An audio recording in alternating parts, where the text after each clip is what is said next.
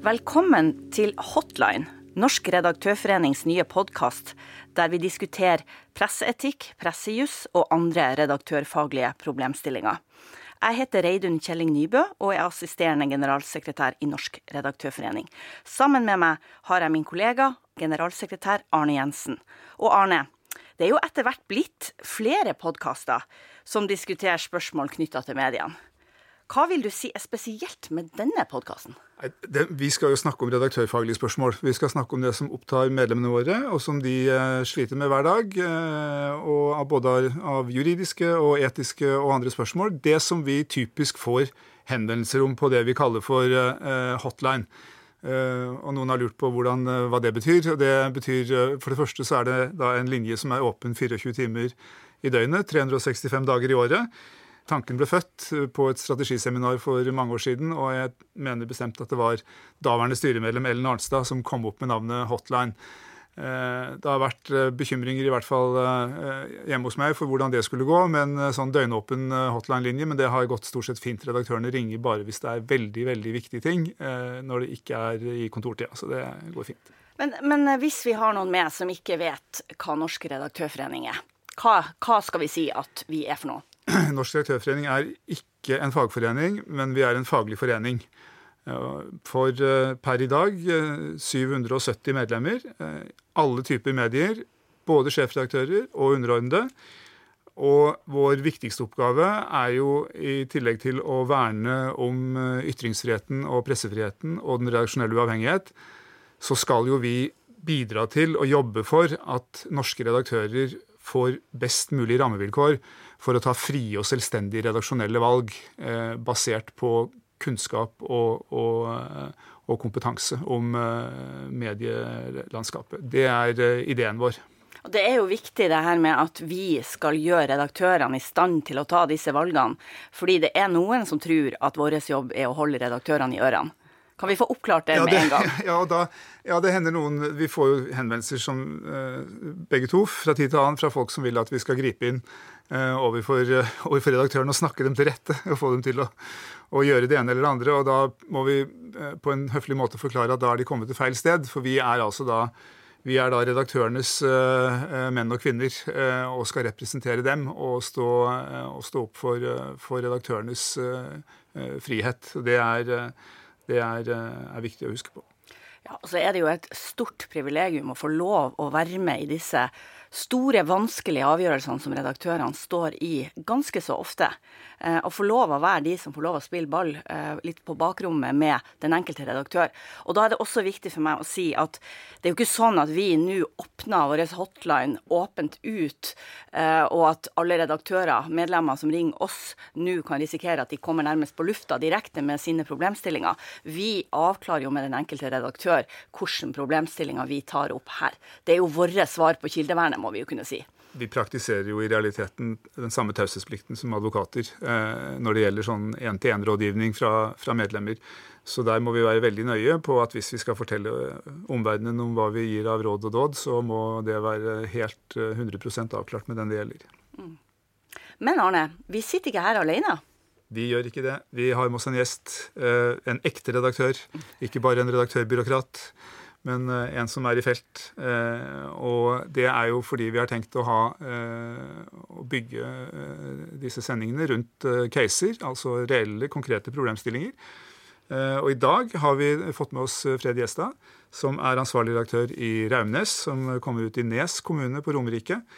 Han kan fortelle litt selv om avisen og, og, og staben, men utgangspunktet for at du er her, Fred, er jo at du og både avisen og du selv og en av journalistene dine ble saksøkt eh, for injurier i 2019 eh, av en lokal taxieier på bakgrunn av en artikkelserie dere hadde kjørt om skoleskyss.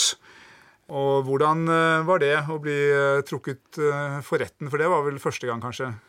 Ja, det er absolutt første gang jeg blir trukket for retten. Og det Det er jo spesielt, og det var litt spesielt også fordi det var heller ikke denne aktøren som ble utsatt for den sterkeste kritikken i denne serien. Men det er viktig å understreke at å saksøke noen er en viktig del av det demokratiske samfunnet. Så det er en rettighet som kildene våre har, og som de kan benytte seg av. Men jeg er jo glad for at jeg har hatt et, eh, et styre som har backup backa opp, og jeg har stått i prosessen. Nå er ikke, dommen er ikke rettskraftig eh, enda, så det er anka videre. Bare si det helt kort, at, at dere har jo da blitt frikjent i tingretten og lagmannsretten. Den siste kjennelsen er jo nå da anket inn for Høyesterett. og, og din motpart er jo ikke i studio her, så vi skal eh, vokte oss vel for å, eh, for å eh, komme i nærheten av å prosedere selve saken. Det skal vi ikke gjøre. Men, men bare sånn helt kort Hva handlet saken om? Nei, Saken er jo egentlig litt i kjernen, eller det er jo i kjernen av hva vi skal skrive om og gjøre som journalister og redaktører. Det handlet om en skolejente, Emilie, som bor langt inn på skauen i Nes. Vi har jo store skogsområder, og mange bor langt unna skolen, så hun måtte da ha skoleskyss. Og Ruter eh, hadde da gitt henne drosje til og fra skolen. Eh, men det ble tatt et valg om å kjøre en lengre vei enn nødvendig til skolen. Eh, mot foreldrenes eh, vilje, som ikke skjønte hvorfor hun måtte kjøre nesten dobbelt så langt for å komme til og fra skolen hver dag.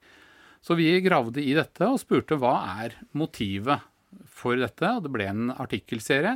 Det endte med at Ruter la seg flate. Hun fikk plass på minibussen som gikk i, i det området, og fikk en mye kortere skolevei og ble en mye mer glad jente. I utgangspunktet kjernen av hva vi mener journalistikk handler om. Og så, og så, må det sies da at uh, denne drosjesjåføren ble jo da i, i, renvasket i gåseøynene uh, til slutt. Altså det var ikke hun uh, som hadde tjent noe ekstra penger på dette.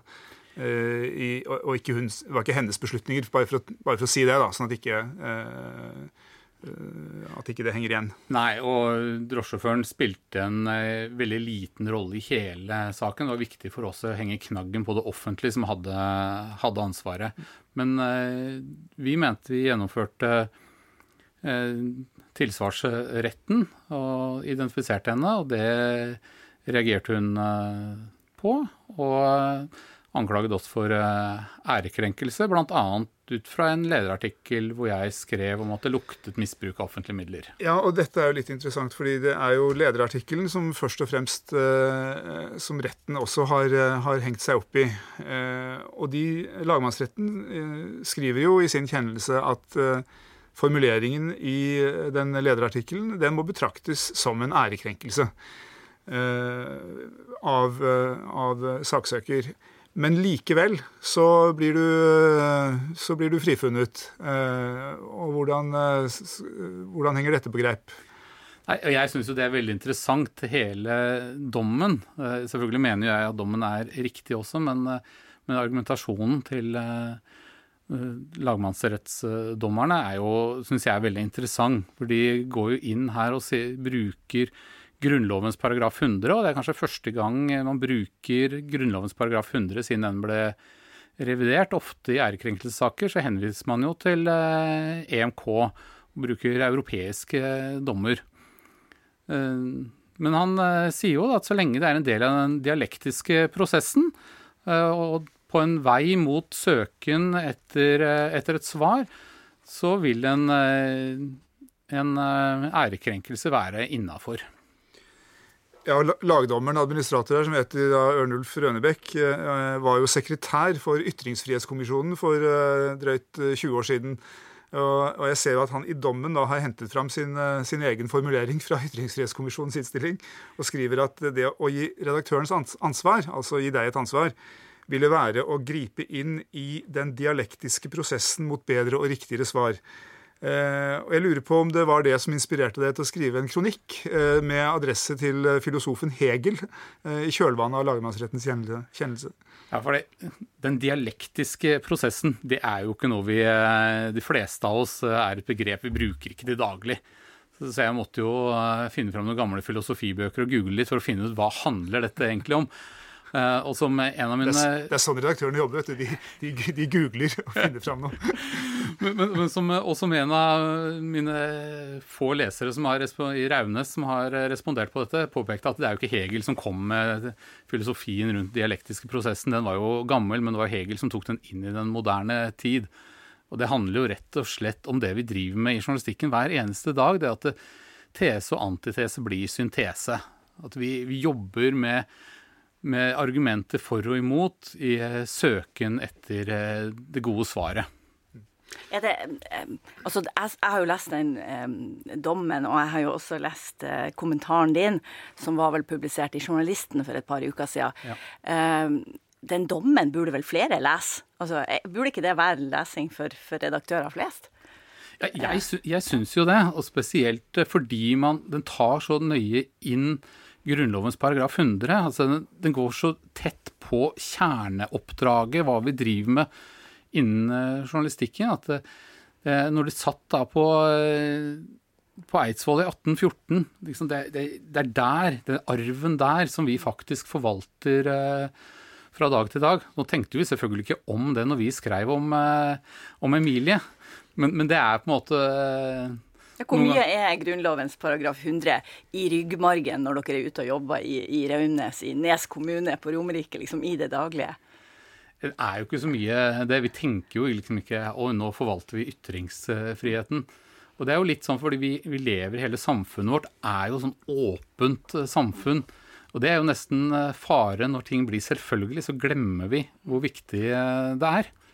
Men, men, tenk, men tenker du ofte på, eller øh, på at her, her, er det en mulighet for at vi eh, kan bli saksøkt? Nei, å bli saksøkt tenker jeg ikke så mye på. Eh, å saksøke noen er jo strengt tatt en, en, reaksjon. Jeg er mer opptatt av at vi skal være fair overfor de leserne, nei, leserne våre. At de som blir intervjuet av oss, de skal oppleve at det blir riktig behandla. Eh, det er ikke noe mål å unngå å bli saksøkt, eller bli saksøkt, men målet er å opptre ryddig overfor uh, intervjuobjektene og leserne våre. Mm. Men nå har du Det her var vel første gangen du opplevde å, å bli saksøkt? Og eneste. Ja, og eneste så langt. Hva har du lært av den prosessen? Og hvilke råd har du til andre redaktører? Som kom, det er ikke så veldig ofte det skjer, men, men som kommer i lignende situasjoner? Nei, det er jo flere ting som vi kan dra ut av dette her. Én en ting er uh, viktigheten av at uh, journalistene har gode notater og er veldig nøye på sin prosess under, underveis. og også har en tett dialog med redaktøren, så redaktøren underveis i en sak som er litt følsom, har full kontroll, så man vet hva er det som rører seg, og man har tillit til journalisten. Så det er på en måte det grunnleggende. Sånn sett må man være forberedt på at alle saker kan bli saksøkt. Jeg hadde nok forventa at det var andre aktører i sakskomplekset her enn drosjesjåføren som hadde større grunnlag for å saksøke oss. Eh, hvis man skulle si det på den måten. Eh, neste er jo eh, det å søke råd. Altså når du står oppe i prosessen, det å søke råd. Eh, jeg var ganske rask på å ringe Arne og liksom hva, hva gjør vi? Hva, hva, er liksom eh, Har vi gjort noe her? Eh, kan du se gjennom? Kan vi få en second opinion? Og få, få, få hjelp til å se har vi gjort noe galt? Er det noe vi skal på en måte legge oss flate for? Og i denne saken mente vi at det ikke var det.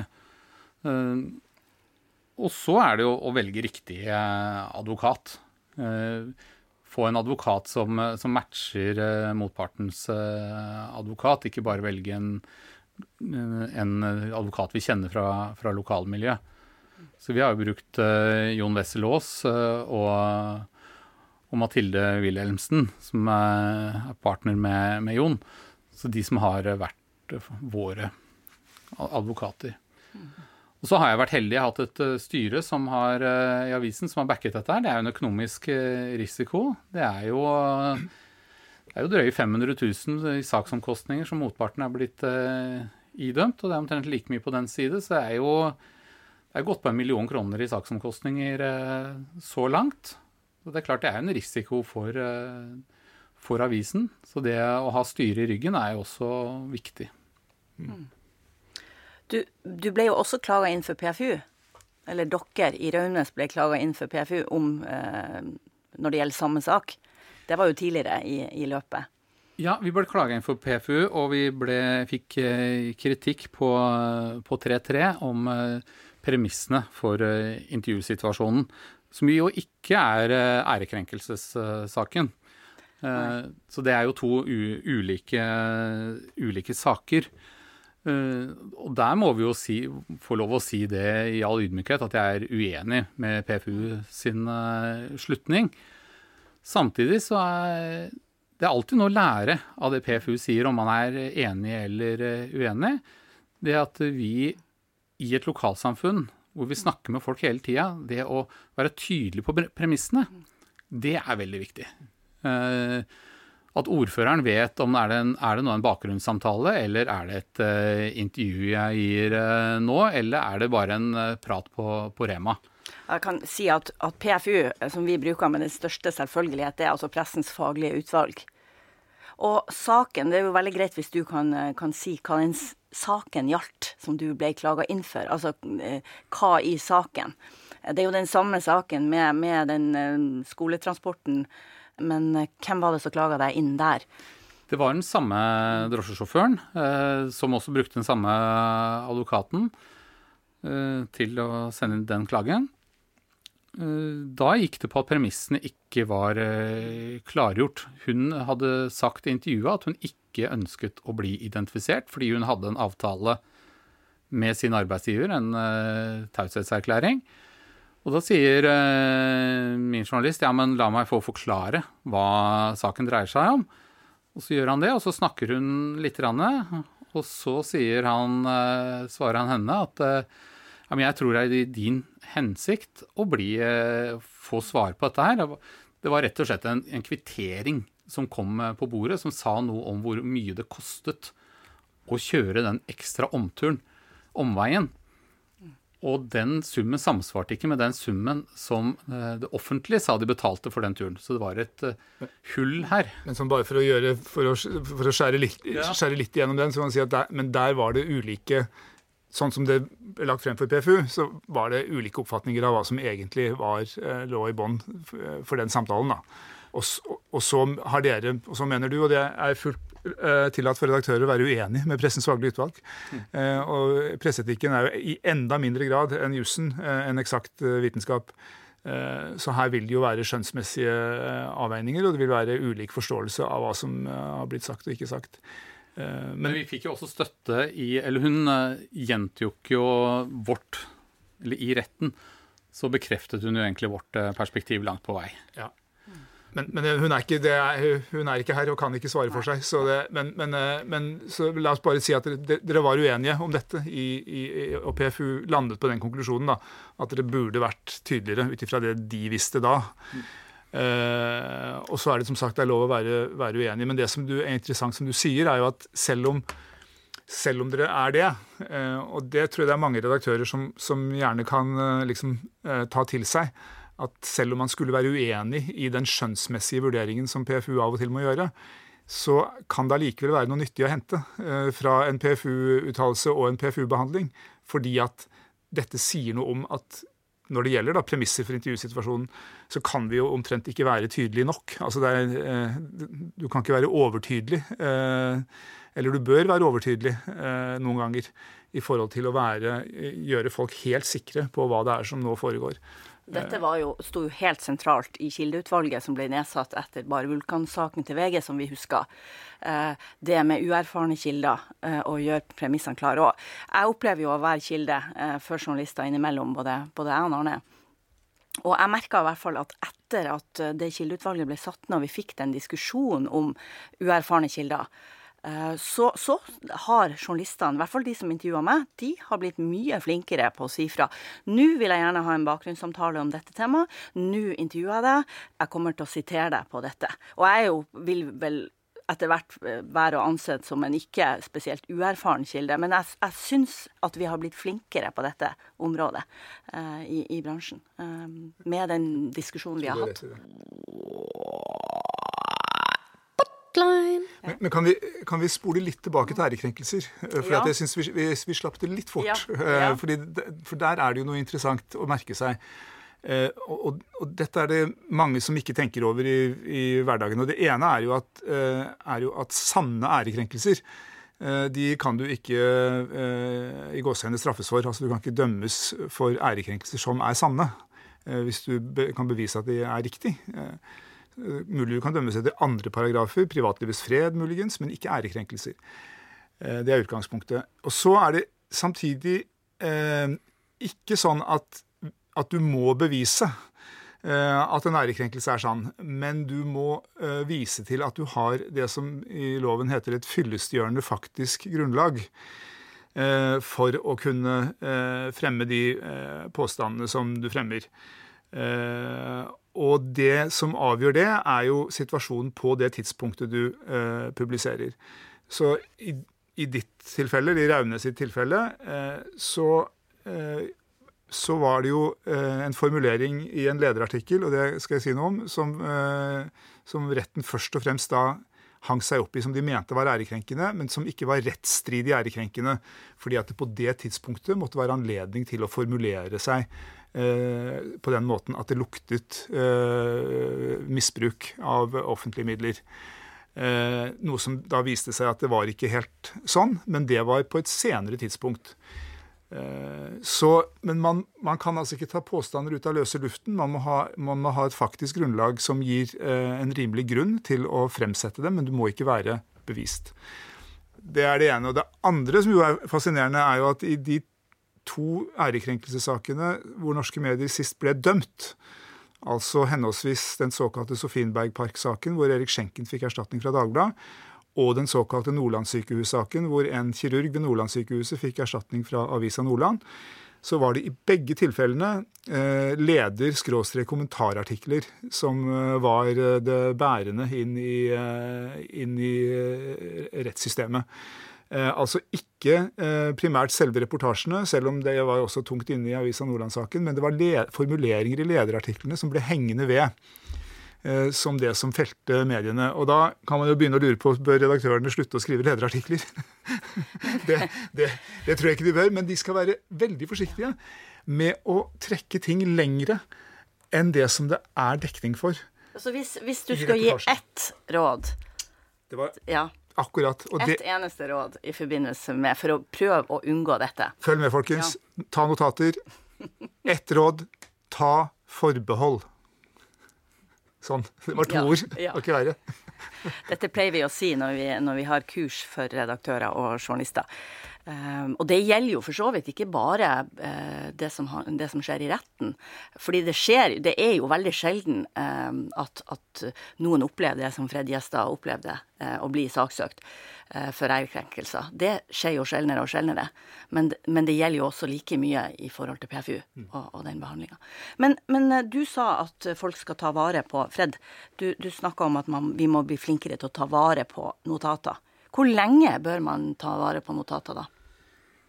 Nei, Det er jo de advokatene som eh, venter til eh, dagen før eh, foreldelsesfristen går ut, dvs. Si tre år. Så det bør man jo i hvert fall, så, så lenge bør man i hvert fall spare på, spare på notatene sine. Og, og, da vil man jo også dekke godt opp for presseetikken, for der handler det om seks måneder for, for, PFU, vanligvis. Hvis det ikke er noe helt spesielt. Og det samme gjelder jo der, eh, med råd om å ta forbehold. Mm. Ja. Definitivt. Selvfølgelig. Ja, eh, men, eh, men, Fred, du står helt sikkert i, i andre utfordringer. Presseetiske og andre redaktørfaglige utfordringer. Det mangler jo ikke ja. det i et, i et, lokalsamfunn. Det skjer jo ting hele tiden, og vi må ta stilling til hvordan skal vi håndtere en situasjon.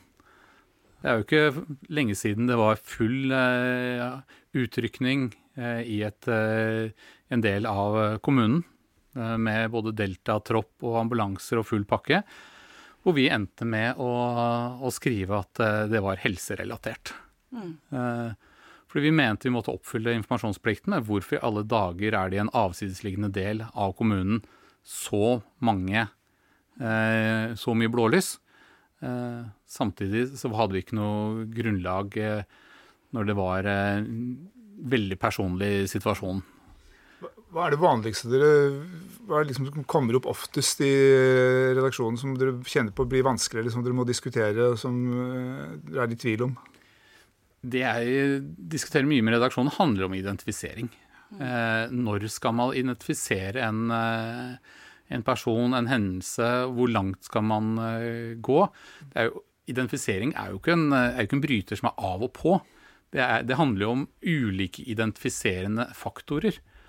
Eh, hvor man like gjerne kan ta, må ta hensyn til annen informasjon som finnes der ute.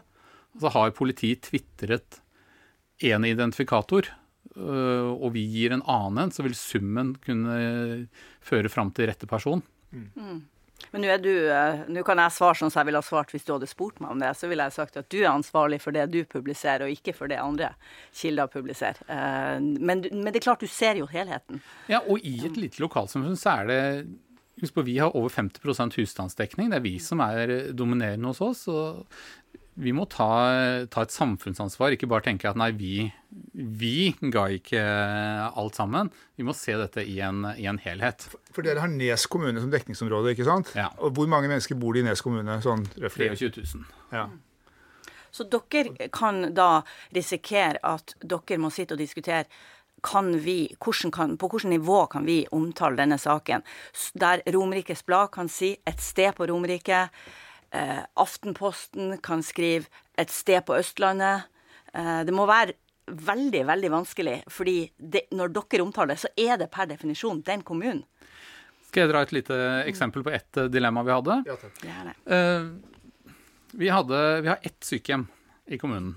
Eh, der kom det opp at det var en sykehjemslege som hadde vært litt nærgående på, på sykepleierne, altså på godt norsk tafsa litt på noen sykepleiere. Eh, den, eh, det sykehjemmet har to sykehjemsleger. Eh, ved at vi skriver om det, så har vi allerede identifisert at det er sykehjem. Vi kan ikke skrive ett sykehjem i Nes kommune som har bare ett sykehjem. og det er liksom hvordan håndterer vi dette? For dette er helt klart offentlighetens interesse. At, at, det er en, en som har offentlig tillit og ikke er den verdig. Eh, så vi kunne, og vi kan åpenbart ikke identifisere en person som ikke er, eh, er dømt. Det ville være helt, eh, helt, feil. Det som var viktigst for meg i den saken, var at den sykehjemslegen som hadde oppført seg bra, ikke skulle bli utsatt for, for mistanke. Så vi løste det rett og slett ved at vi intervjuet on record den andre sykehjemslegen. Altså vi navnga den sykehjemslegen som ikke var skyldig. Eh, og omgikk eh, problemet. En litt eh, kreativ løsning, men Eliminasjonsmetoden. Altså. Men vi hadde jo da også identifisert den skyldige, men da for oss var det viktigere å ikke, at ingen uskyldige skulle bli mistenkt. Men jeg tror, jeg tror ofte det er, og særlig for de berørte, at spørsmålet om identifisering det handler veldig mye om ikke om at ikke folk skal skjønne kunne finne ut hvem det er. For det jo, vil jo være i, et, i, en kommune med 23 000 innbyggere, så skal du ikke ha så veldig mange sånne uh, alder, kjønn, uh, stilling uh, før du skjønner Ikke sant? Men, men, å ikke få det brutalisert i form av at du får et bilde på en front eller en forside og, og, og navn i ingressen, og altså at du får det identifisert på den måten. Og, søkbart i ettertid. Og søkbart i ettertid, ikke minst. ikke sant? Fordi da, det gir en helt annen effekt Eh, enn en det at du gir nok opplysninger til at eh, leserne dine skjønner hvem av legene det er, og hvem de ikke er. Eh, men barna til den legen det gjelder, eh, slipper å se de bildene i avisstativet på vei til skolen. Ja. Det er en stor forskjell. For Det er jo ikke noe mål å henge ut. Målet her var jo opplysningsplikten. Mm. Jeg kan jo røpe at uh, identifisering er den vanligste av de presseetiske problemstillingene som vi registrerer uh, inn til, til hotline. Uh, det er, og det er særlig fra lokalaviser og regionavisnivå. og det er jo selvfølgelig fordi det er mye vanskeligere når du er tett på. Um, det er lettere å, å, å, vite hvem det er snakk om. og, og det blir oppfatta på en annen måte òg, fordi ikke sant? Som du sier, du har 50% husstandsdekning. Dere er der. Et, et presseetisk overtramp fra Raumnes oppfattes som mer brutalt enn hvis det skjer fra et eh, regionalt eller et eh, riksdekkende eh, medium. Men så har vi andre siden av på en måte den samme mynten. handler jo om er vi noen ganger for, for forsiktige? Vi hadde jo en uh, situasjon her hvor det var en 17-åring som uh, døde i en motorsykkelulykke for et, uh, for et drøyt år siden. og vi kom raskt i kontakt med, med familien. Fikk lov, før det var gått tolv timer, å gå ut, ut med navnet og fulgte tett opp med det. Og der kom mor bort til meg i begravelsen og takket meg for dekningen, fordi de hadde generert så mye støtte i et lokalsamfunn. Så, så, det er mulig å være for forsiktig også. Ja, eh, og det er klart man eh, Det som man som lokalavis kan gjøre, det er jo å gi saklig og ordentlig informasjon, seriøs informasjon, og dermed også bidra til at det blir færre rykter eh, som går i, i en situasjon etter ei ulykke, sånn som, sånn som, det. Og det gjelder jo for så vidt i mange sammenhenger. At, at på sosiale medier så vil det være der er det jo ikke redaktørstyrt. Der vil det være veldig mye, mye diskusjon. Det vil være masse rykter som går, og så rydder man opp uh, og, og, gir den informasjonen som folk trenger i lokalavisa. Det er jo det som, det, det som ligger i uttrykket at eh, lokalavisene skal være lim og lupe uh, i lokalsamfunnet. Uh, og det innebærer jo både å, å, å granske det som foregår der, men det innebærer også å binde det sammen. Eh, og i sånne sammenhenger som du forklarer nå, så kan det være, være et, et viktig, en viktig funksjon. Det er faktisk eh, vanskelig, syns jeg, som, eh, som lokalavisredaktør å vite hvor går grensen når det er store hendelser mellom å være en støtte og en belastning for de som er tettest på. Jeg tror, man, jeg tror man skal ha som utgangspunkt at for, og det er, er for, for, de som står tettest på, så vil, så vil eh, nesten enhver omtale kunne oppleves som en belastning eh, når du er i en, en, gitt situasjon. Selv om man rasjonelt kan eh, forstå dette, så, så, så, vil det ofte, så vil det nok ofte oppleves sånn. Vi har jo, bare for å, å dra det, Reidun, vi har jo en sånn derre dette er, jo, dette er, jo, ikke naturvitenskap, og det fins sjelden eksakte svar. Uh, ofte så er det sånn at uh, det ligger forventninger hos de redaktørene som ringer til oss. og Vi, vi skal helst gi dem svaret på fasiten. og det kan vi jo som oftest ikke gjøre, eller veldig ofte ikke gjøre. Men da, hvis det er sånn, litt sånn skjønnsmessige avveininger, så har vi en, en test som, uh, som, vi pleier å, å, lansere, Reidun. Ja, vi kaller det for speiltesten. Uh, og vi pleier å si at hvis du um, i en identifiseringssak, da uh, Hvis du har tenkt å publisere og identifisere på det nivået Eh, for vi tenker jo ofte på Når vi diskuterer identifisering og anonymisering, så tenker man liksom enten så er det man fullt anonymisert, eller så er man, så er man ikke det i det hele tatt. Ehm, det er, jo, det er jo grader ut av dette. Men hvis man tenker, tar utgangspunkt i det, det man har tenkt å ta med, kanskje i i, i, en situasjon sånn som du hadde med denne legen, eh, at man har tenkt å, å gå ut med, med, med, kjønn og alder, cirka alder f.eks., så kan man øve seg på dette og tenke at eh, Tenk som om man var i Dagsnytt 18 f.eks., og så skulle man argumentere for de valgene man har tatt. Det her kan man jo bruke i andre ting andre spørsmål enn identifisering også.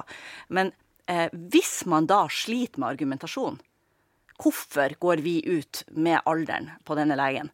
Eh, så er det kanskje en grunn til det. Hvis du, hvis du stiller deg foran speilet og, og, hører på deg selv, og du ikke syns at du høres spesielt overbevisende ut, så, så, så, kan det Ja.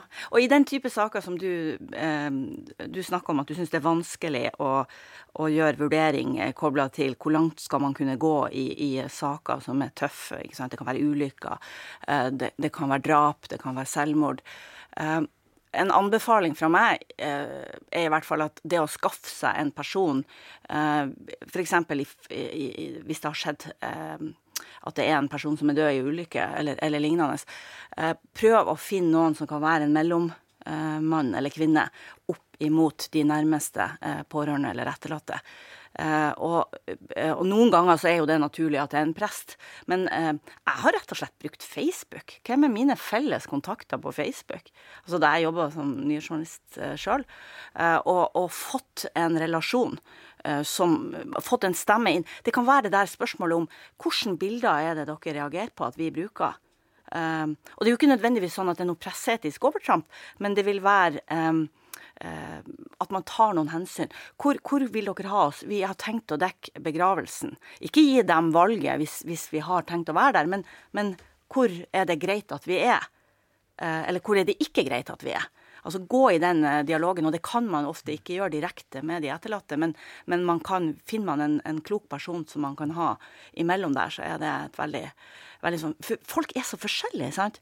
Noen de er jo, er jo veldig klar for det. er Sånn som hun som takka deg i den begravelsen. hun hun, var, eh, hun, hun ønska jo den åpenheten, mens andre gjør det ikke. Så, eh, å ha den respekten. Og så må jo vi gjøre de egne vurderingene. Det er jo sånn at, at det vil være journalistikk som støter, og folk blir krenka av. Sånn er det jo. Det vet vi jo. Men, eh, men vi behøver jo ikke å gjøre det unødig de gangene vi kan unngå det. Ja, og mange ganger så er det jo sånn at vi, vi kan Altså saken blir like god om vi tar et litt annet valg.